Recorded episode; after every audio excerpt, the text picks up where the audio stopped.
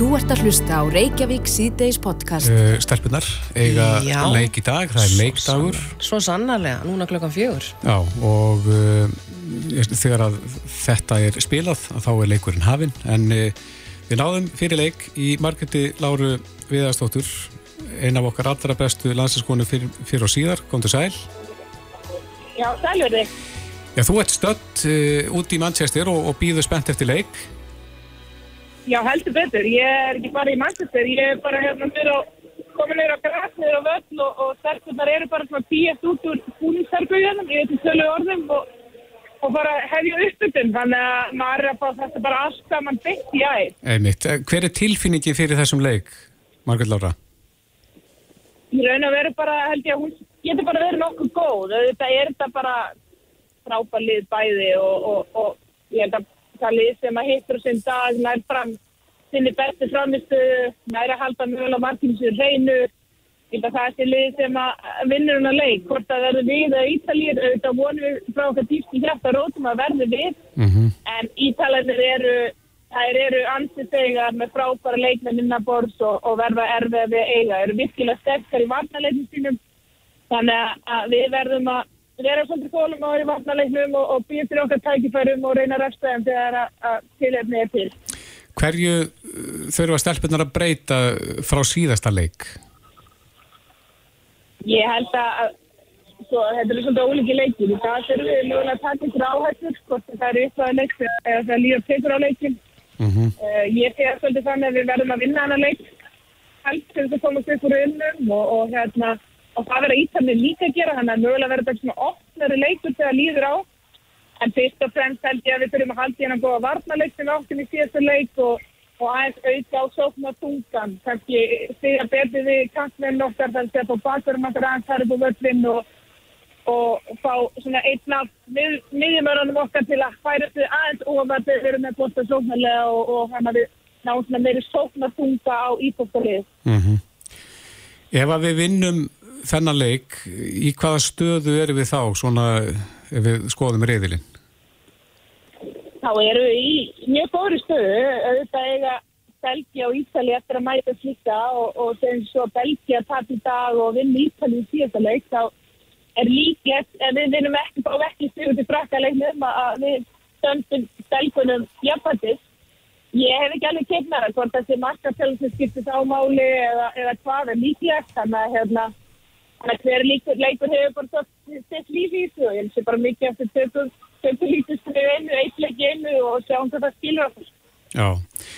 En eh, hvernig er stemningin á vellinu samlega? Þú ert þarna bara í ringiðinni. Er, er hafið bláa stórt?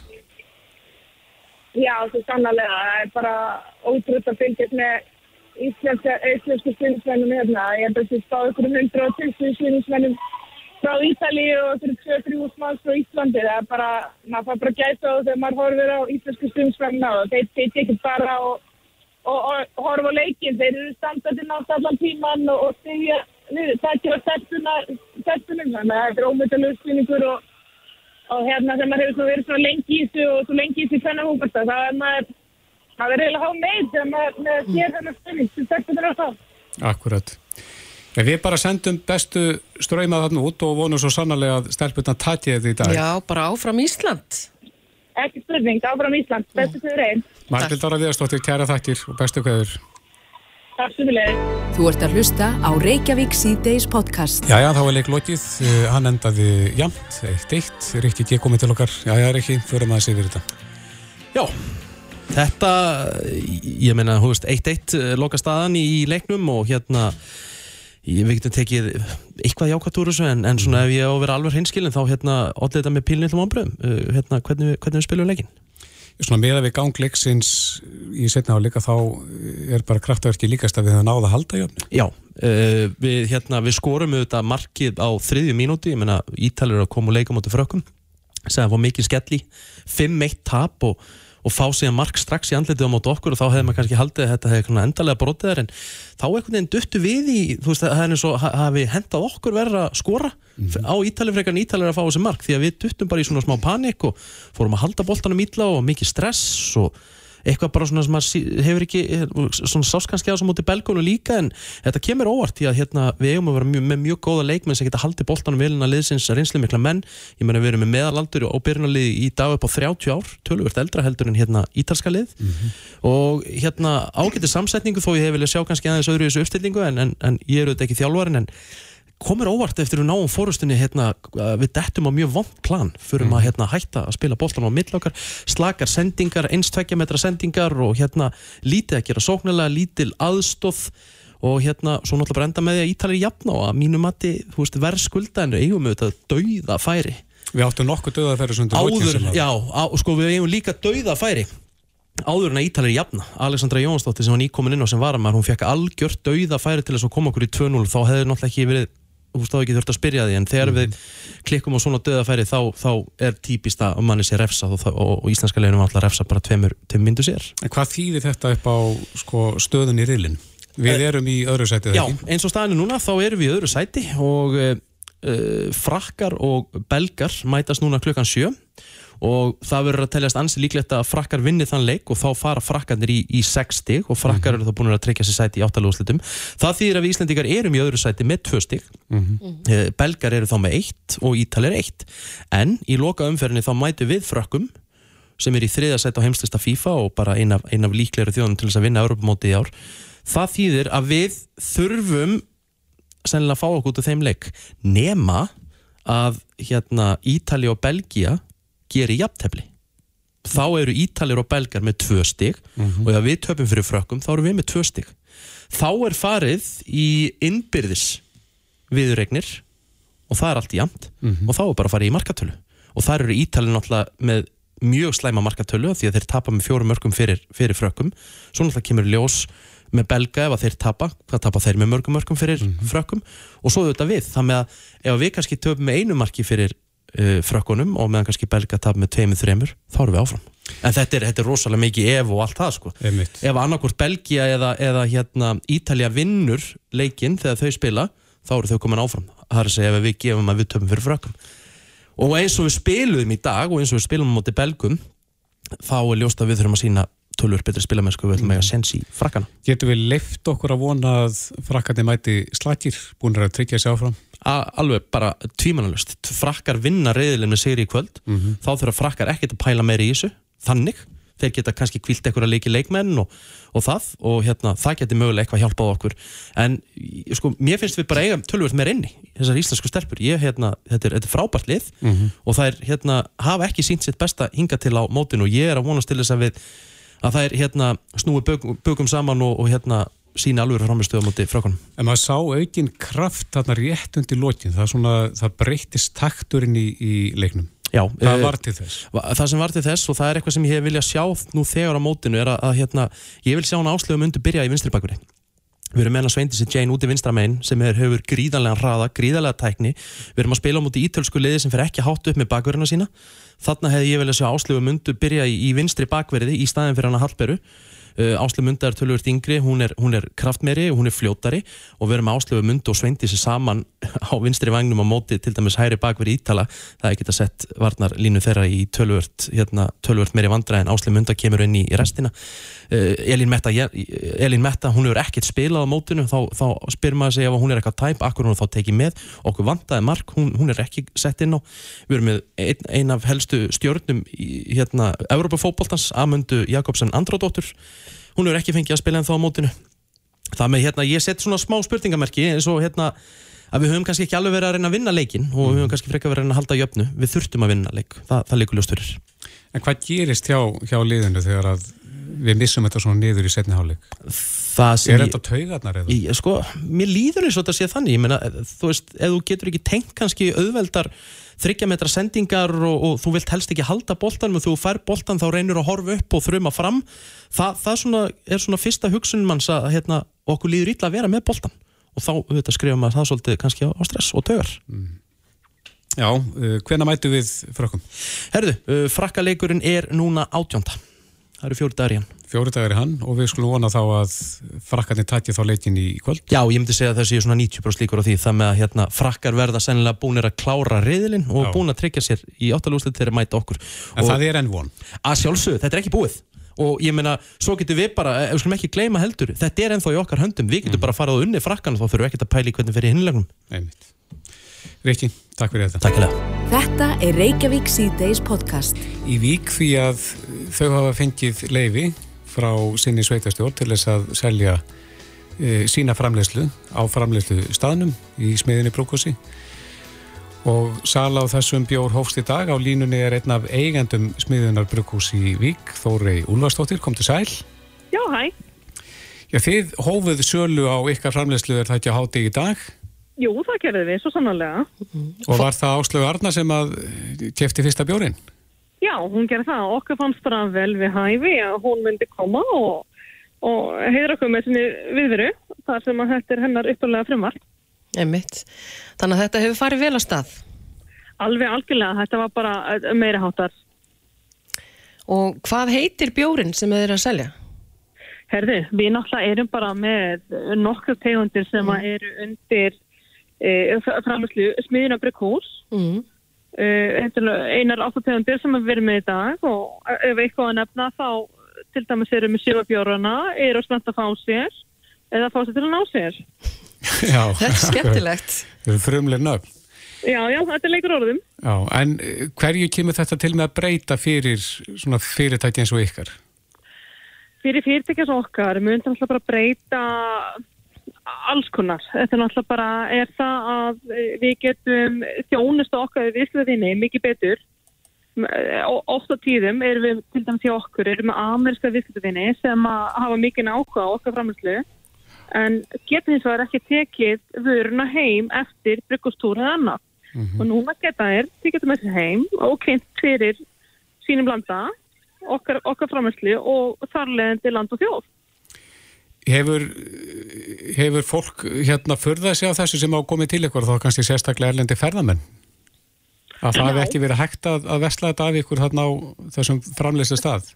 Já, fólki finnst þetta einstak, e, bara einstaklega skrítið í raun að veri út af því að sérstaklega bandaríkjamenn eru bara vanari frjálsari verslun með áfengi, sérstaklega bjór og það er bara einstaklega rík og góð bjórmenning sem er svo sem eitthvað sem að við Íslandikar erum búin að vinna hartaða líka.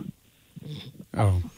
Eru þið bundin af því að, að selja bjórin á ykkur ákveðinu ve- verði? Þið hérna, svimur að kannski ágjöra því að, að, að þetta auki neyslu á bjór?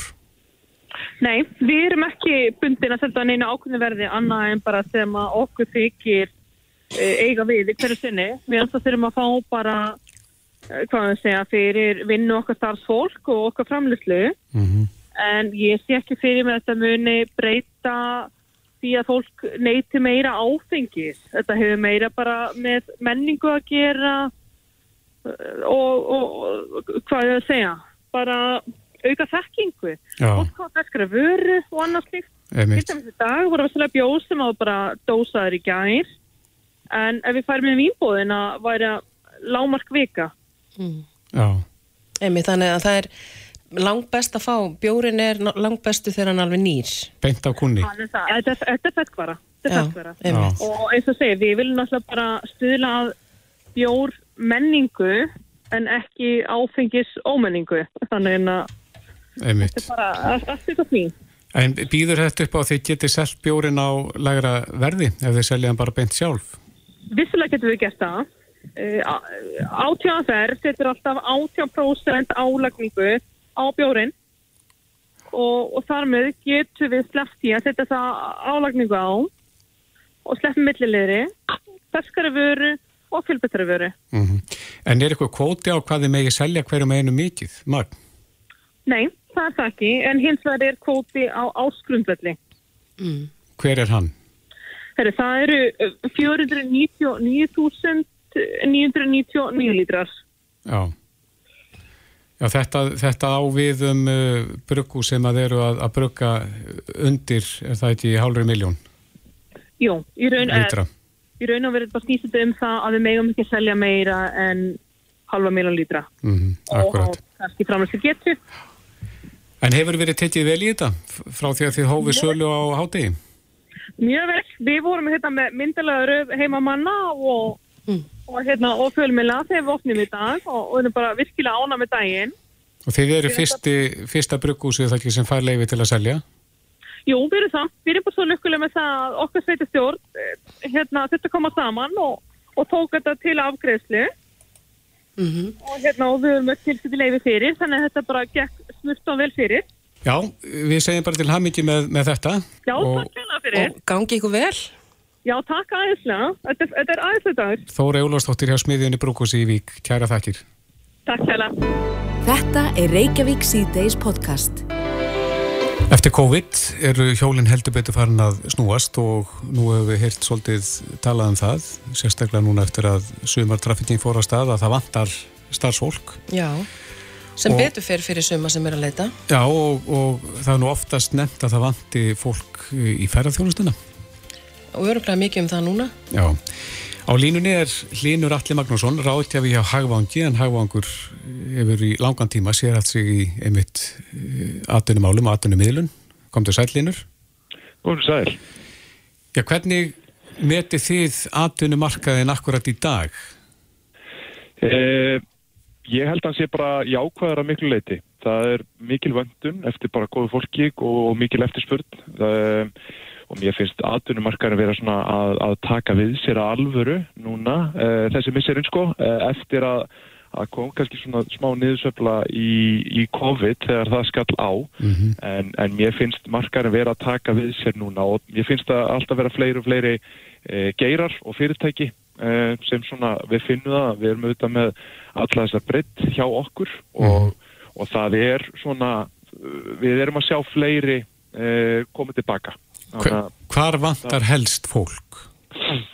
Uh, ég er kannski uh, helst að skinja það í byggingageranum. Uh, það er mikil þensla og það er mikil vöndun eftir góðu fólki. Faglegt þá. Mikið um að vera. Já, algjörlega. Ég, við erum meira þar að leita eftir sérfræði kunnóttu hjá fólki og, en, en ég held að og mér heyrist að, að það er bara í, í raun víða vandi að ná að manna þessar stöður sem, sem þessi fyrirtæki í verktækageiranum og, og bara almennt í byggingabransanum uh, þurfa að manna sko. En hvað með svona störf eins og þjónustu störf? Maður hefur heyrt að vanti mikið af fólki til dæmis út af flugvelli, í ferðarþjónustu. Vantar mikið af fólki þar og er þeim með nóga frambóði? Uh, sko, ég, það er þetta sko, ástandi er að, að ég held verra úti. Uh, en hérna ég veit að, að Ísafja og, og þessi fyrirtæki sem starfa uh, sérstaklega út af flugvelli þau hafa alveg verið sko, ekki haft undan út af viðtölum til þess að manna þessar stöður sem þau þurfti því miður að, að láta fólk fara frá, frá sér á sínu tíma. Uh, og að það er alltaf að koma heim og saman í dag uh, en svona heyrist mér. En, en uh, víða í uh, ferð og þjónustunni að þá eru þetta uh, vöndun uh, af því að þetta er að taka við sér og þetta er bara í raun þessi vaksta verkir, það er allt í einu mikið um að vera eftir að hafi verið rólegt uh, lengi vel. Þannig að ég veit að starfsmannalegur og, og, og ráðgjafa fyrirtæki eins og, og hagvangur og, fleiri þau eru þarna það er búið að glukka okkur uh, og svona fá okkar aðstóð í að, að reyna að manna þetta. En að, það er svona uh, það gengur hægar um, sérstaklega bara af því að það eru ymsar ástæðar baki þarna og uh, fólk hefur já, við höfum alveg fundið fyrir því og heist af vinnuveitindum sem uh, já, þurfti að neittist þess að láta fólk fara á sín tíma að uh, það gengur ekki jafn vel að endurheimta jafnvel fólk aftur í þau sömu störf og uh, hver sé ástæði fyrir því uh, það er kannski erfitt að segja en, En Hlynur, fólk er þegar- en þegar að uh, svona skortur er á starfsfólki, eru margir að hugsa sér, til reyfings? Það er að segja fólk sem er jafnvel í vinnu í dag, er mikið um það að, að fólk sé svona farið að líta í kringum sig og jafnvel að leita að annari vinnu eða... Ég held að það sé bara alltaf tilfellið að uh, það er alltaf ykkur uh, hópur fólks sem er uh, á þeim buksunum að vera að horfa í kringu sig eða, eða áhuga samt um að heyra um önnur störf uh, sökum tímalengdar í starfi eða, eða annað.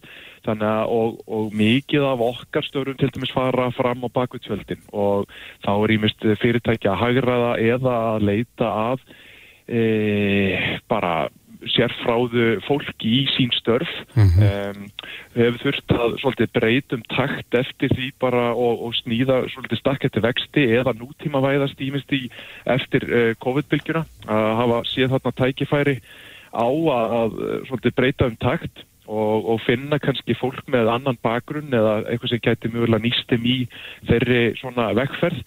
En, en já já þá veist það er alltaf alltaf uh, fólk að faraldsvæti og, og við finnum alveg fyrir því. Þannig að mm. það er alveg alltaf tilfellið, bursið frá því hvort að það sé ástætti sé slemt eða, eða gott. Einmitt.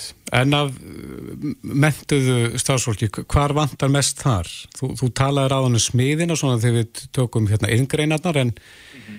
en þegar það kemur að háskólamentun? Háskólamentun, uh, ég menna Það er sko fjármálageirin, uh, þau eru, uh, mörg fyrirtæki eru að færa sín störf uh, meira in-house, svo kallað, að, að að búa yfir þekkingunni sjálfvíst að þess að leita annað að þekkingunni eða útýsa störfum mm -hmm. þannig að þá, þá finnum við fyrir því að svona fjármálatengtur bakgrunnur eða, eða gagnavinsla eða gagnaþekkinga er mikið um sótt í sagt, uh, fólk með sérhæfingu í, í tölvunafræði hugbúnaverkfræði og fleira svona varandi það, veist, allt í takti við þessa nútímavæðingu þannig að ég það er svona einna helst sem við finnum og, og auðvitað er uh, takmarkað úrval hér á landi þannig að uh, mér finnst vera meira sótt í jafnvel uh, sérfræðikunnáttu erlendis, mm. fólk jafnvel af íslensku bergibróti eða, eða bara íslenskt eða af erlendu bergibrótið og ég myndi þess að fylla í þessu skörð en, en þetta er bara partur af því að, veist, að Ísland sé að taka þessu stakkarskiptum um, og ég, mér finnst og, og okkar tilfinning er svo að það sé að gerast meira minni. Já, akkurat. En það er, er eh, skortur á fólki, þú finnur það einna helst í byggingageranum og, og svo er, hefur verið kallað eftir fólki í ferðarþjónustuna líka. Já, það er alveg, alveg klart mm. og það er það sem að heyrir. Já. Hlinur Alli Magnússon, ráðgjafi hjá Hagvangi, kæra þætti fyrir að fara eins yfir landslæði með okkur. Reykjavík síðdeis á Bilginni podcast. Ég veit ekki hvort að þú hefur tekið eftir í drífa en mér finnst ég vera, vera vittna þessu æg oftar mm. að fyrirtæki sem að maður er að leita uh, þjónustu hjá mm er ekki með nægilegar upplýsingarinn á heimasíðanum sinum. Það er að segja, maður finnur hverki símanúmur eða lista yfir starfsmenn Nei. og ég fæðast undum að tilfinningun að, að það sé að færast í vöxt að fyrirtæki vilji ekki sko hleypa viðskiptafinnunum alveg nóg nálað sér. Já, það er alveg óþólandi þegar maður er að leita að ykkurum upplýsingum Já. og það er ekki hægt að ná í nokkurt mann. Nei ekki símanúmer eða neitt? Nei, nei, nei, ekki símanúmer eða neitt. En er þetta bara tilfinningi okkur eða, eða ætla að sé eitthvað í þessu? Við erum komin í sambandi Gunnar Andra Þórisson hjá Sölu skóla Gunnars Andra. Komdu sæl. Já, komið sæl. Já, við erum nú stundur rætt við því um þjónustulund fyrirtæki og þetta kannski spilar aðeins inn á það. Já, það er rétt og við hefum ekki rætt um þetta þessa hlýð áður en, en þetta er alveg rétt sem að segja. Þetta er eiginlega búið að gjör breytast og nú þekk ég þetta aðeins að því ég er búin að vera í þessu 25 ár mm -hmm. þetta hefði ekki verið svona fyrir bara nokkrum árum síðan Nei, en af hverju er þessi þróun heldur þið? Veistu að ég hef verið að spyrja sjálf með því og, og hérna kollega mínir Erlendis þeir hérna taka í sama streng, þetta er búið að vera þetta er ekki bara á Íslandi er, mm. en e, það eru kannski margar ástæði fyrir því, það er svona verið að reyna að gera hlutina einhvern veginn þannig að þurfa að hafa sem minnst fyrir öllu en En þetta er mjög víða og ekki bara í starri fyrirtækjum, þetta er líka í litlum fyrirtækjum, meiri segja vel börum og veitingastöðum.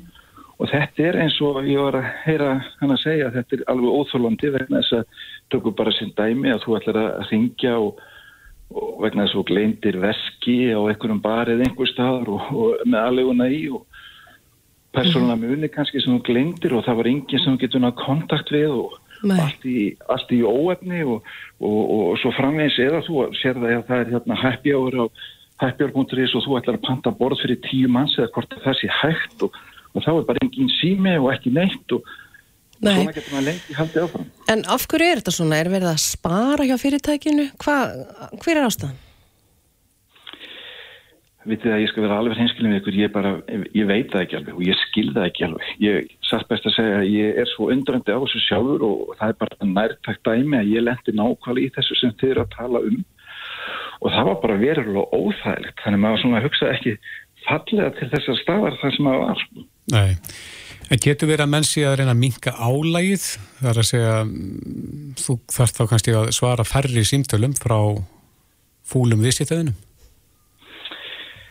Nei, ég held ekki, en þetta er sko, í sumstar er þetta mjög góður lægi og meiri sér hjá fyrirtækjum sem er kannski að gera kannski góða hluti og það sem mikið er, eh, tökum bara dæmi, og ég vil nú ekki vera að hyggla einhverjum frekar en öðrum, að sko þessi veitingastæð sem eru þekktir eins og sæta svíni eða húsi sósjál og sem eru eknir á þessum strákum, það er fólki sko sér þjálfa til að taka móti símanum og yfirleitt þarf ekki að býða lengi þar þó að sé brjálega á veitingastæðinu. En það lítur að stifta miklu máli Gunnar Andri að, að ef að viðstiftunurinn er ósáttur við eitthvað að hann nái sambandi þannig að sé hægt að setla málin. Hárrétt og ég var... Þetta hlýtur að æsa bara fólk upp að finni hverju upplýsingar eða símanúmer eða nokkuð skapaðan hlut. Heldur betur. Og þetta líka hefur sko slæmar afleðingar þetta getur verið, ef við tölum um veitingastæðina að þá getur þetta haft slæm áhrifarandi trippadvæsur og svo framvegis. Og, og einstaklingur sem er óánaður og, og, og, og reyður, hann er mjög samfærður og, og ekki besta auðlýsingin sko. þannig að þetta er, þetta er ekki gott fyrir einn en einn, Nei. ekki fyrir viðskiptafinn en ég þá smega í hlut En finnst þér ekki þá að fyrirtæki ætti í rauninu að fara að endur skoða þjónustu sína? Algjörlega. Eh, Það er bara nöysilegt vegna þess að þetta er bara, í þetta getur líka verið bara tap á viðskiptum. Það er engin að græða á þessu í enda á dagsins. Nei.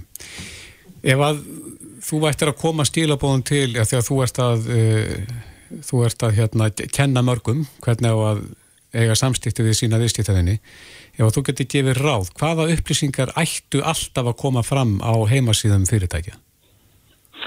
Það er algjörð skilir en það verður að koma sagt þessi grundvallar símanúmer sem eh, við komandi þarf að leita sér ykkur á upplýsingar um ákveðna vöruð þjónustu eða, eða við komandi þarf að ná í eitthvað aðila og hérna, ég meina svölu fólk er að þekka þetta líka. Það er í vandræða með að ná oft í alls konar einstaklingar sem það þarf kannski að ná í einhverju hluta sakir vegna gegn síma en það er bara ekkert í því. Þannig svallið sé að reyna að íta allir svona síma í burtu frá sér. Og hérna þetta eru upplýsingar sem verða að koma. Fyrir utan það náttúrulega líka að fólk verður líka að geta komið með kvartanir vegna þess að og, og, og, stundu þar viðkomandi bara og villan viðkom, viðkomandi einstaklingur líka að fá tjási ekki bara í gegnum eitthvað e-mail eða, eða þannig þetta er, þetta er víða pottubrótin ég er alveg að tengja við það sem þeir að segja og, og kannast mjög vel við þetta og ræðum þetta oft inn í fyrirtækjum þegar ég er að sérstaklega að halda hérna þjónustunámski Já. Já, þannig að þetta er ekkert bara eitthvað tilfinningi okkur, þetta er þróinin svona að þínu mati. Nei, trúið mér, vitið að margir sem eru að hlusta hérna núna þeir kannast mjög vel við þetta og þetta er eiginlega alveg galið. Já. Gunnar Andri Þórisson hjá Sölu skóla Gunnars Andra. Kæra þakki fyrir þessa vangavelti með okkur. Já, mín var ánægn og þetta er alveg rétt. Hlustaðu hvena sem er á Reykjavík C-Days podcast. Í COVID-faraldrinum. En COVID-faraldrun hefur líka ofinbæra marga veikleika í þessu kerfi. Já. Uh, Viljum Þór Þórsson, heilbyrðisáþara, hefur skipað nýja stjórn yfir landsbítalan og sögum segja tími til komið þar. Björn Sóega, fórstjóri Karolinska sjúkrásins í Svíþjóð, er stjórnaformaður. En Viljum Þór er á línu, kom til sæl. Já, komið þess að. Í viðtölum hefur Björn Sóega komið inn á margt sem hann má betur fara í rekstri spítalans. Getur þið tekið undir margt af því sem hann segir? Já, hann hefur auðvitað alveg eh, mjög eraflur og, og, og mikla þekkingu á bæði á, á málum spítalans og því sem starfi sem hann hefur verið að sinna núna undanferðin með sér í Svíþjóð. Og hefur sterkar sína þetta. Ég held að uh, þessi stjórn mun alveg örgulega koma til með að styrkja landsbítalan og, og, og styðja við uh, hann. Uh, og samsetningin þessara stjórnar hún er bæði speklað þá breytt og þekkingu sem að lögin mæla fyrir um. Og ég held að það sem hann er að varpa fram hér skiplusbreytingar og annars til þess að breyta svona, koma á breytingum sem sko mæta þeim þörfum sem við komum inn á hérna í ingangi Mm -hmm. Já, hann nefnir til dæmis að það þurfi að fjölga þeim sem að sinna sjúklingum en, en þeim hefur fækkað á kostna þeirra sem að eh, eru þarna í millistjórninni eða sinna öðrum störfum. En það hefur líka blansað við að það er skortur á til dæmis sjúknarfræðingum og læknum Já, já, og það hefur verið þróunin undanfæran ára að eftirspundin er að aukast eftir þjónustun og mun aukast inn í framtíðina og, og þessum er mjög mikilvægt að fara mjög vel yfir það hver, hver mannunum þarf að vera og, og ekki bara í dag og gera betrum bætur til þess að hafa það sem best og horfa síðan inn í framtíðina. Ég held að við höfum kannski aðeins getum tekið ábyrði í, í pólitíkinni gagvart því að að það er svona breytingar í aldursamsetningu mjög hröð uh, þróun í ferðarþjónustunni og, og, og fjölgun á ferðarmannum til landsins uh, hafi svona kannski breytt þessu til dala hrætt og, og á sama tíma aldursamsetningin hefur kannski síð á sem að kallar alltaf á eitthvað þjónustu Já. í heilbrið þjónustu Einmitt, en uh, hann kemur aðeins inn á í þessu viðtali sínu, hann bjöð sóeka inn á kjensluna Já. og það stjóti skökku við að, að vera með kvóta á það sem að komast í námi þegar það er skortur á heilbyrðistafsfólki. Já, ég bara, það, það kemur hann inn á, á atriði sem er mikilvægt og við verðum að sinna þessu hlutverki spítalans sem háskóla sjúkrós bæði í vísindarþættinum og svo mentunni sem er alveg grunnur af mönnunni bæði nú og ekki, ekki síður inn í framtíðin af því að þetta tekur allt tíma að manna hæft og gott fólk. Og, og, og við verðum að opna og, og bæta aðgengið, fjölga námsplásum, fjölga starfsnámsplásum og hvetja líka fólki okkar sem er lærið jafnvel hér fyrir ellendis eða, eða, eða klára nám ellendis og, og, fá þau hingað heim í, í, í liði með okkur. Mm -hmm. En þessi málaflokkur hefur verið fyrirferðamestu þegar það kemur að ríkisfjármálunum. Uh, hann stingur upp á því að spítalinn verði tekin út af fjárlögum og, og þetta verði svona, það verði bara greitt eftir þjónustunni sem að veitir. Hva, hvaða skoðun hefur á því? Já, hann er, hann er að vísa til sko, þessara framlegslu tengdu þjónustu. Þannig að við, það sé gagsara hvað við erum að greiða fyrir hvaða þjónustu en það á að gilda þetta bara um alla helbriðis þjónustu og, og, og spítalan okkar og heilsugjastlun og heilbriðistofnanir og, og hjógrunarheimilin þannig að við, við, höfum það gagsætt og opið hvað við erum að borga fyrir. Þetta mun hins vegar alltaf með einhverjum hætti koma af ofnbyrju fyrir gegnum fjálug svona mest megnis. Í dag er þetta um 80% sem er fjármagnar af skatti og, og, og það eru þetta ekki að fara að breytast. Nei, en sér þú koma til greina að taka spítalan af fjárlugum? Nei, hann fer ekki þannig síðan að fjárlugum. Við þurfum að fjármagna þó að þetta sé framlöslu tengt og, og, og fari eftir. Við nú erum við búin að gera samning bæði við landsbytalan og sjúkráðs og akureyri um svo kallega DRG mæli hverða á það hvað þjónustan kostar og hvað við greiðum fyrir hann og það er það sem ég er að vísa til að verði þá gagsærra og, og nákvæmara hvað við borgum fyrir og í hvað peningarnir okkar fara, skatt fyrir borgarna fer. Um, síðan er þetta hægt að hugsa sér eitthvað til framtíðar að það fari í gegnum ykkur á stopnuna á borði sjúkartryggingar, mm -hmm. slíka greiðslur, en, en, en það er alltaf fjármagla á endanum í gegnum ríkisjóð. Já, en talanda eins um þennan skort af stafsfólki, þú hefur gengið í hlutin og þú vilt sem sagt að fólk geti hægt að ja, unnið áfram eftir sjötugt og er þá sérstaklega að vísa til helbyrðis starfsfólks. Hvernig hefur verið tekið í það?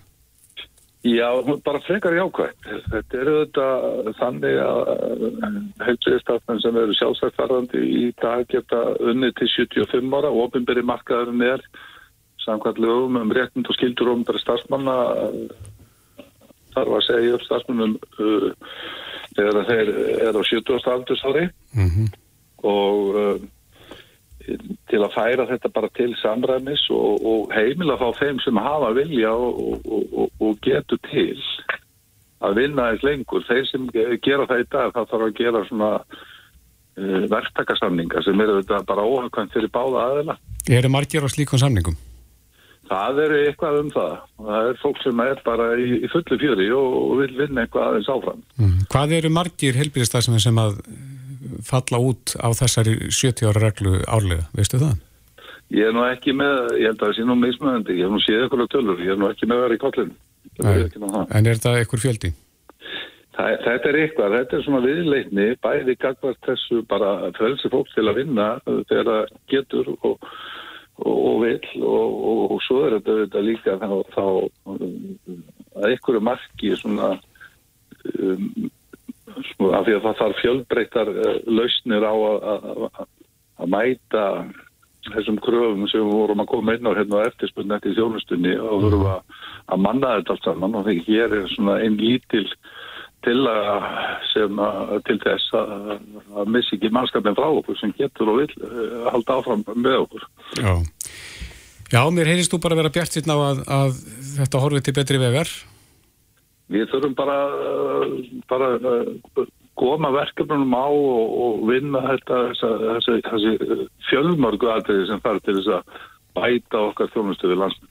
Já, rétt aðeins í lokin, það er leikdagur í dag hjá stelpunum okkar, þú ert náttúrulega gammal knæsmyndu maður og, og hérna, þjálfari og allt það. Hvaða tilfinningu hefur þið fyrir leiknum í dag, Ísland-Ítalja? Ég verð alltaf svo jákvæður að fólki okkar er að spila sko, og stoltur aðeins, þannig að ég er bara eins og þjóðin trú, ég er mjög spenntur. Já, viltu spá? Það er, ég, maður verður svo, sko, follatrúar þegar maður kemur að því að spá einhverju um, um fótbolta og ég er bara svo rosalega trúar sem stelpum, það eru svo flottar og þetta lið er, er, er feikið flottar og þeir eru búin að fjalla bara mjög skemmtilega og vel um lið, við veitum allt um þessar stelpur og og þó úslitin hafum kannski alveg farið eins og við vildum í fyrsta leika þá síntaðu hvað er uh, flottur og blúar liðið og, og þannig ég hef nú trú á það með þessum leika og ekki bara segja að þetta fari vel og fari 2-1 fyrir okkur? Já, líst vel á þessa spá. Viljum Þór Þórsson, helbiðis á þeirra kæra þakki fyrir spjalli Reykjavík síðdeis á Bilginni podcast. Í nýjasta tölu bladi Læknablaðsins er sagt af ansi merkilegri rannsók þar sem að má finna tengsl á milli e, mentunar eða mentunarstiks mm. og áhættu á kransæða sjúkdómum. Já. Og einn af þeim sem að stóða þessari rannsókn er Tór Aspelund, professor í líftölfræði, kom til sæl. Komið sæl. Komið til ykkur óvart? Þessi tenging? Já, sko, það er tvent í þessu. Það, er, það kom ekki endilega óvart þetta með nýju áföllin. Þetta hefur sérst í eldri gögnum í Íslandi en þetta er miklu nýri gögn söfnuð bara hérna millir 2005 og 10 cirka mm -hmm. og síðan er fólkinu fyllt eftir en það sem er nýlunda í þessari rannsókn er að þegar æðarnar eru ómaður í hálfsæðarnar eru ómaður í fólkinu mm -hmm. þá eru þar merki um aukna byrði þessara æða sjúkdóma þegar komin fram Þannig að þessi duldi æðasjúkdómur er algengari líka hjá þeim sem eru minnamettaðir með þá sem eru meiramettaðir. Þannig að það var þetta nýlundan kannski og svo í samengi við hitt að þá sagt, passar þetta allt saman við það sem að reynslan sínir líka erlendist frá. Já og þetta er alveg óeitjandi að, að það eru beint tengslatna milli. Að því já, meiri sem mentunin er að því minni eru líkunar. Já. En hvernig stýrir þetta út? Gott, já, og það sem er líka áhugavert er að þetta er bæði í kollum og konum mm -hmm. og hvernig, og, og, og kannski áhrifin bara ekki trólík heldur. Emitt. Og hvernig skýru þetta út, það er mitt kunstinn, því að mentun er svo mikið svona hvað við segja, stimpill kannski sem er notaður, ég veit það ekki hvort hún hleypur okkur inn í mismunandi stjættir í þjóðfélaginu og möguleika til að stunda heilbriðt líf eða eða annað, eh, gerur okkur þrautsegari eða hverjir eru það sem að komist ekki áfram Mm á mentavegin þannig að þetta er svo, þetta er svo, þetta er svo margt En hvað erum við að tala um? Erum við að tala um kransæðasjúkdóma og heila eða hjartaáföll? Já, við erum svolítið að tala um þetta uh, allt saman Mm. og, og þetta eru auðvitað stór þáttur í veist, okkar heilsu vandamálum meina, hann er tengdur þessu kerfum meina, og þess vegna er þetta mikilvægt að vita og hvort það er hægt að hugsa kannski forvarnir öðruvísi eða, eða gefa fleirum tækifæri til að njóta forvarna uh, halda fólki be- beinlínis lengur í skólum Mhm. því að ég meina það er einhver íspendingum að þó að sé sko margt útskýrt að ég vil líka nefna að áhættu þættirnir þessum við því klassískum við þekkjum það er að reyfingaleysið og, og reykingar og, og kannski vísbendingar um óallara mataræði og þingdaraukning hún er algengjari hjá minna mentuðum eða við háskólamentuðum En erum við að tala þarna um frekar tengingu milli sko, tekna frekar heldur en mentunar eða er, er, er kannski beint tengingu milli þess að þeir sem að hafa gengið lengra mentavegina þeir eru tekju herri? Já, þetta er nefnilega væri góð auka vitt inn í þessa rannsókn. Uh, þetta hangir auðvitað svolítið vel saman. Þegar maður skoðar svona tekju upplýsingar frá hagstofun og svona og þá sína þeir þetta hvernig tekjur vaks, stigvaksandi eftir mentun en það er auðvitað ekki algilt. Getur, og, og þannig að maður eru svona kannski að muna það líka. En og svo kannski að muna þetta með að það er eitthvað í skólagöngunni sjálfri bara sem gerur okkur sterkari til að berjast, eða sko til að mæta þessum sjúkdómum og svo er þetta eitthvað með áhættu þættin að gera sem að útskýra svolítið þennan mun líka eins og, eins og telli aftur þessa sem við getum raumurlega unni með eins og reykingar og reyfingarleysi og, og mataræði. Mhm. Þannig að þetta er svolítið margar vítir sem eru að, að koma inn í þetta og hvernig á að tólka þetta allt saman sko það er náttúrulega bara þessi áhrif er augljós. Samt að, að því miður þá leggst sjúkdómurinn meira á minna menta fólk og það mætti alveg hugsa hvað er hægt að gera í því. Já, E- komið þið með einhverjar svona vangaveltur um það, þarna hvað, hvernig megi bregðast við?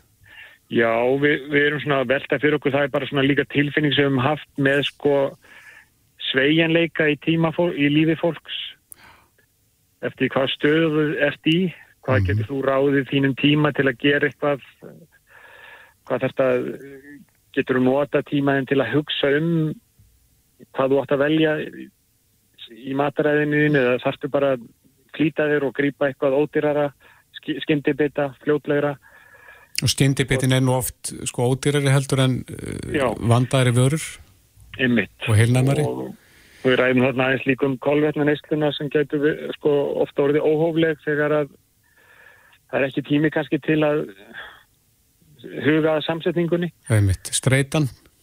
streytan og svo er það líka eitt. Að, og það er það sem er náttúrulega við minnust aðeins á að við hefum alveg verið varfið að þeir sem eru minna mentaðir að þeir hafa ekki alveg sami tækifæri til dæmis til að koma í rannsóknirnar okkar Nei, þannig að þeir, þeir fá ekki frí í vinnunni og þú veist, það er einmitt þessi streyta á álag, þú veist, þú ræður kannski ekki eins yfir þig sjálfur. Og þannig að við getum verið jafnvel að horfa á betri mynd en hún raunveruleg er, ég, en ég skal ekki segja. hvaða úrtak var í þessari rannsókn ykkar? Já, þá var þetta bara hér á Reykjavíku svæðinu, handáskend úrtak og það var mjög góð mæting, það var yfir 70% þáttaka, þannig að þetta er almennt í því og kannski að rifja plattur þetta er yngallin á árunum 2006 til 11, þannig að það er komin 10 ár síðan. En svona er þetta í þessum hjartaransóknum, maður þarf að geta fyllt fólkinu eftir til að vita hvað gerist. Mm Þetta er þólumæðis vinna, það, það þarf að kalla inn fólki og svo þarf að býða og sjá hverju verða veikir og hverju verða ekki veikir. Þannig að þetta er, þetta er mjög sérstakt að eiga svona efni við til að skoða heilsu fólks og sjá að mitt að það kemur fram þessi aukning á nýjum hjarta og heila áföllum hjá minna mentum en meira mentum. Uh, veistu til þess að þetta hefur verið gert eða skoðað eitthvað starf annars þar í heiminum?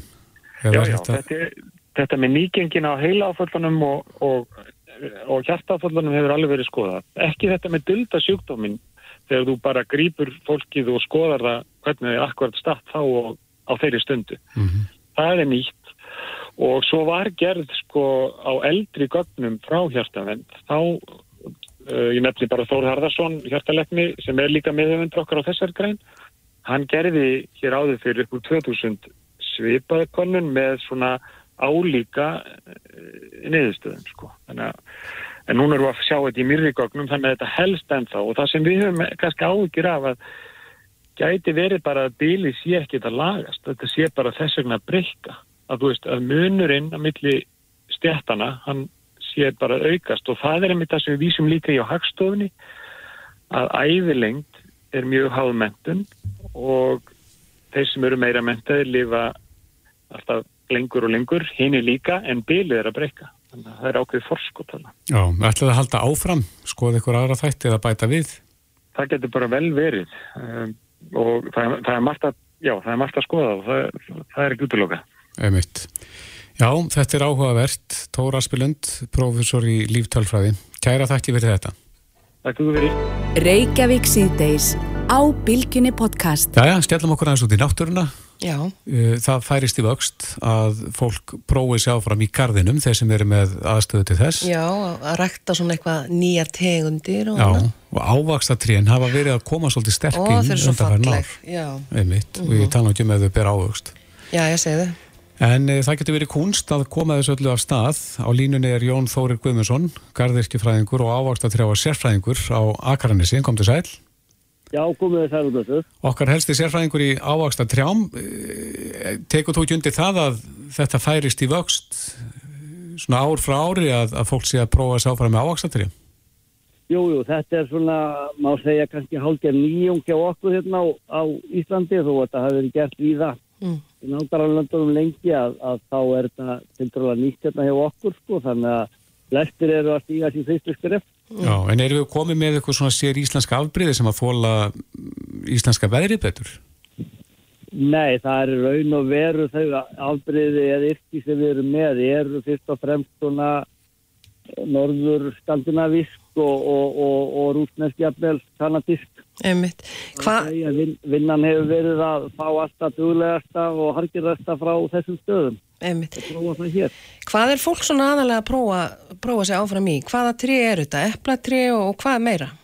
Já, það, þau eru nú, eflatinn er nú duglegust sko, og, og þóla mesta kulda en svo er líka möguleikar á, á kissiberum og, og við erum með plómur og, og jafnvel perur líka, það er helst þessar fjóra tegundir. Já, og er þetta að vera með alla þessa tegundi bara úti undir björum himni eða, eða þarf að vera með þetta inn í húsum? Nei, þetta eru tegundir sem að þóla alveg í mínust 30-40 gráður og eh, þannig að þau eru kuldaþólin en það er aðalega þetta stuttar sumar sem að kannski háir þeim hjá okkur. Já, svo, Þannig að það er svona ekki lesað hættin í þessu, það er sumarhittin en ekki í og já. En svo hefur maður líka heyrt Jón af fólki sem hefur sett niður ávaxtatri og svo bara gerist ekki neitt, það er kannski búið að býða ár eftir ár og ekkert gerist. Hvað, hvað getur verið að klikka þá? Og þá er nú um nokkra möguleika að ræða, þannig að kannski staðsetningin sé ekki nógu góð, umhyrðan er ekki nægileg, jafnvel engin og svo getur þú náttúrulega verið bara með lélegt tré. Mm. Það er svona, þetta eru þess að þrjár megin skýringar. Sko. Já, en er ekki fólk líka bara aðalega að fá þessi tré til að fá litin því að það er svo fallegu litur sem kemur til dæmis af kissuberja og eplatrénu? Já, það vil svona, náttúrulega blóminn til dæmis, Já. það er blómstra öll mjög flott en, en svona, við viljum ekki bara fá kart, kartiblugur rösk og við viljum líka helst fá eitthvað undan þeim. Það er eins með eflin að það er svona skemmtilegra ef þetta virkar og, og það eru til norrannar sortir sem að gera sér lágan sumarhitta góðu og, og það er svona aðalatrið eiginlega að reyna að fiska það fram. Já, hvað er vinsælast? Það eru sko, já það sem hefur reynst best eru finnsk og norsk, svensk, yrkist og í, í eplunum sérstaklega. Já, er að koma sæt epli af, af þeim. Er að koma sæt epli af þeim? Já, yfirleitt eru þau bara mjög bræðgóð. Sko. Það er náttúrulega mismunandi hvað fólki finnst gott og eins og gengur en, en, en ef þau eru vel þrósku þá er þetta aldrei með mjög góð bræðgæði. Já, en það er ekki nóg að vera bara með eina tegund, þarf þetta ekki að vera með fleiri tegundi svona til þess að, að þetta frjókist á milli? Jú, það eru flest og eplatrið þurfa að fá frjókotna af öðrum einstaklingi þannig að þá er svona lámas útgerð yfirleitt þrjú treð. Já, þannig að þú getur ekki verið með tvö eins, það þurfa að vera tvær tegundir. Það, sko, því að ef þú ert með tvö eins þá er það bara raun og veru tvö eintaka af sama sko. Já. Þannig að þú verður að vera með sem sagt þá bara Jónagóld og, og, og Mattitós eða eitthvað svoleiðs, ekki sem sagt tvö af sama. Nei, til þess að byrja ávöxt. Já, til, að, já, það þarf nefnilega að heita sér hverju nafninu.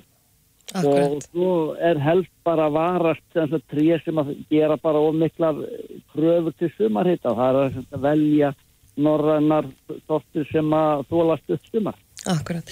Nú ertu með ræktunastöðuna miðvók hann á Akranesi. Hvað er það að rækta meira?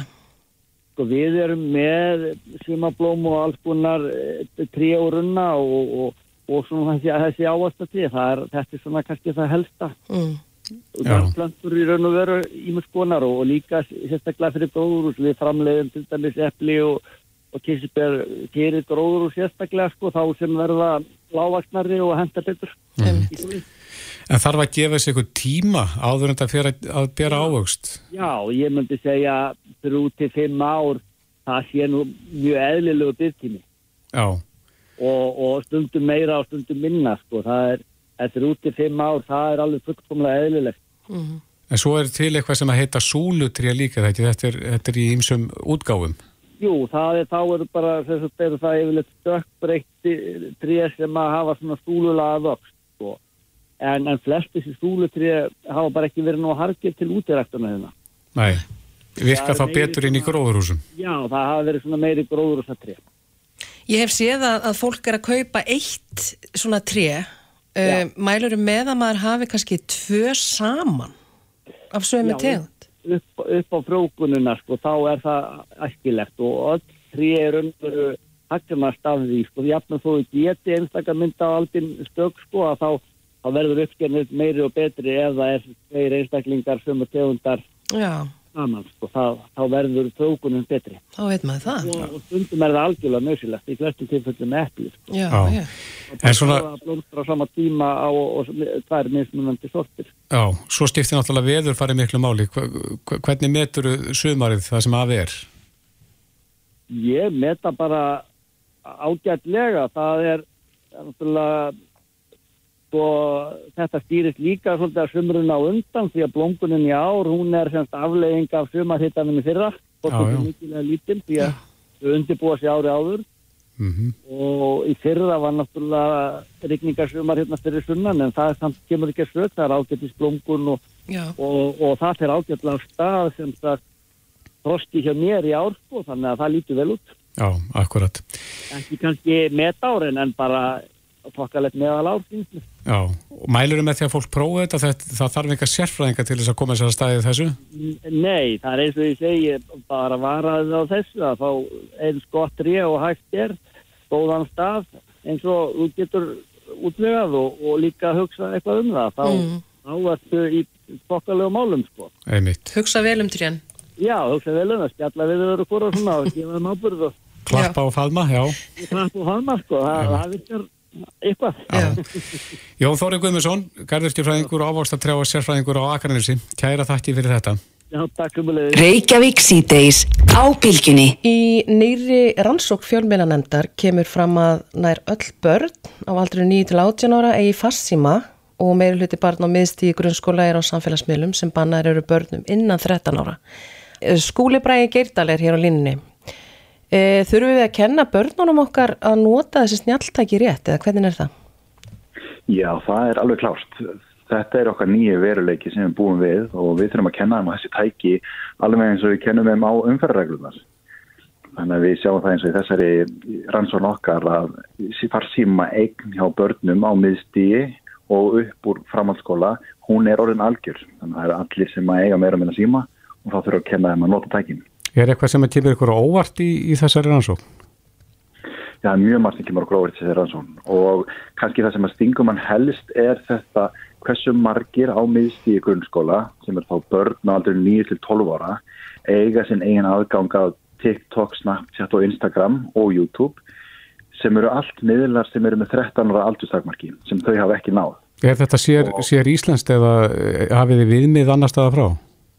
Við höfum við, við, við, við Noreg Mm -hmm. og við erum að sjá þar að við erum uh, mjög dugleg að leipa okkar börnum inn á uh, samfélagsmiðla og það sem að líka kemur kannski svolítið óvart er að 60% þeirra barna sem eru með þessa aðganga fengur hjálp frá fóröldurum við að stopna þá Einmitt. og þar velti maður fyrir sér er við að gefa en meðvita leifi eða eru við að gefa en leifi bara því að allir í bekknum mínum eru komnir inn á þessa miðla og ég fara að vera þar til að geta uh, verið með í því samtali sem á sér stað í bekknum mínum. Einmitt. En nú veit ég að þeir fóreldrar sem eiga börn á miðsti í grunnskóla og börnið þeir eru með síma, nú veit ég að margir fóreldrar vita ekki að þessir hérna, miðlar eru hvað, vafasamir, þyrti þá ekki að fræða frekar fóreldrana frekar en börnin?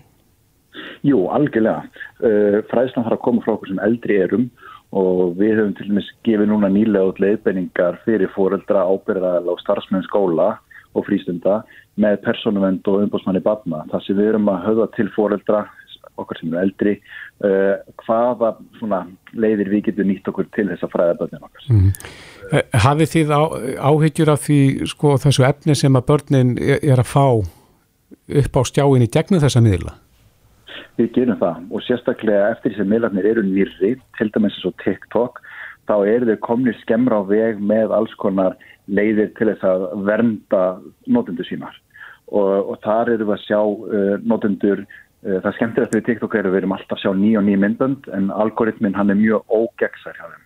Þannig að þannig er að geta verið að koma myndbönd af stríðinu í Úkrænu, þannig að geta verið að koma og við erum að sjá í okkar rannsókn uh, leiðir til þess að grenna sig verulega með listastóli og búlimíu, hattur skilabóð, ókveikjandi myndir sem verið að meiða dýr og menn uh, og þau eru í stórum stíl að sjá svona skilabóð.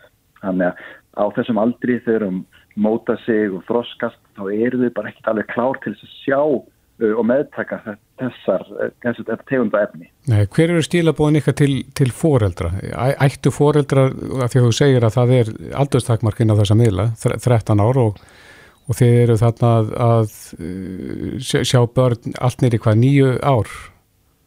Já, rannsóknin okkar nær nýri nýju ár en þegar, í, þegar maður sér það að niðurstöðnar eru það er hversu hátt hlátt hlutallega að nota, það eru 60% en á TikTok, 60% en á Snapchat. Þá veit maður að það eru ennþá yngri börnum og ég á 5 ára dóttur og það er strax komið pressan um að fá sín eigin farsingu mm -hmm. þannig að einhvern staðar þurfum við að stíga nefnir fæti og segja stopp, hingað ekki lengra.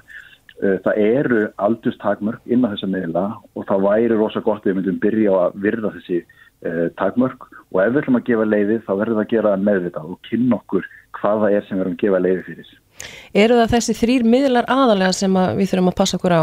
Eru það YouTube, TikTok og Snapchat? Já, þetta er svona vinsælistu miðlarnir hjá þessum aldurshópi í dag. Mm. Uh, ég myndi segja við þurfum helst að passa okkur á TikTok-miðlunum. Hann er komið skemst á veg. Við erum í samtali við þessa miðla hjá fjölmiðla nefnd og erum að reyna að koma því í gegn að það sé verið að passa betur upp á notendur. Uh, en bara því, því miður þá er það ekkert á frábærum stað hjá möllum og eins og segi, nýrri miðlar eru bara komið skemmra á veg. Eru skólanir fannir að taka upp eitthvað skonar kennslu og kenna börnunum að umgangast þessa miðla? Já, þyrfti það að gerast? Já, við þyrftum að gera meira, meira leiti sko, en það sem að við getum heldur ekki sagt bara ábyrðina alla á skólana, uh, við þurfum líka að taka ábyrð sem foreldrar, en við erum núna undirbúið í stóru tengslaniti uh, fræðsluefni til þess að koma með inn í skólana í stóri miðlalæsis viku sem við ætlum að kera á næsta ári. Það er sjálfsögur svolítið flókið að setja ábyrðin á kennarana. Þau þurfum við að þekkja alltaf þessa miðla og geta frættum þessa miðla. Við sem eldri erum, við erum líka að nota þessa miðla á hvað saman hátt og erum ekki að kynna okkur skilmáluna endilega. Þannig að við erum, já, við erum ekki fullkomin hendur. Einmitt. Skúli Bræði Gerdal hjá Fjölmíla nefnd. Kæra þætti fyrir þetta. Takk hérlega. Og þar með ætlum við að fara að setja punktinn. Já, við erum búin í dag. Já, fréttir hér eftir skamma stund. Við minnum á það að efnið allt úr þættinum er komið inn á vísi.is og inn á Bildju appið. Já. En Drífa og Kristófi þakka fyrir sig. Verðum hér aftur á ferðinni klukkan fjögur á morgun. Bless, bless.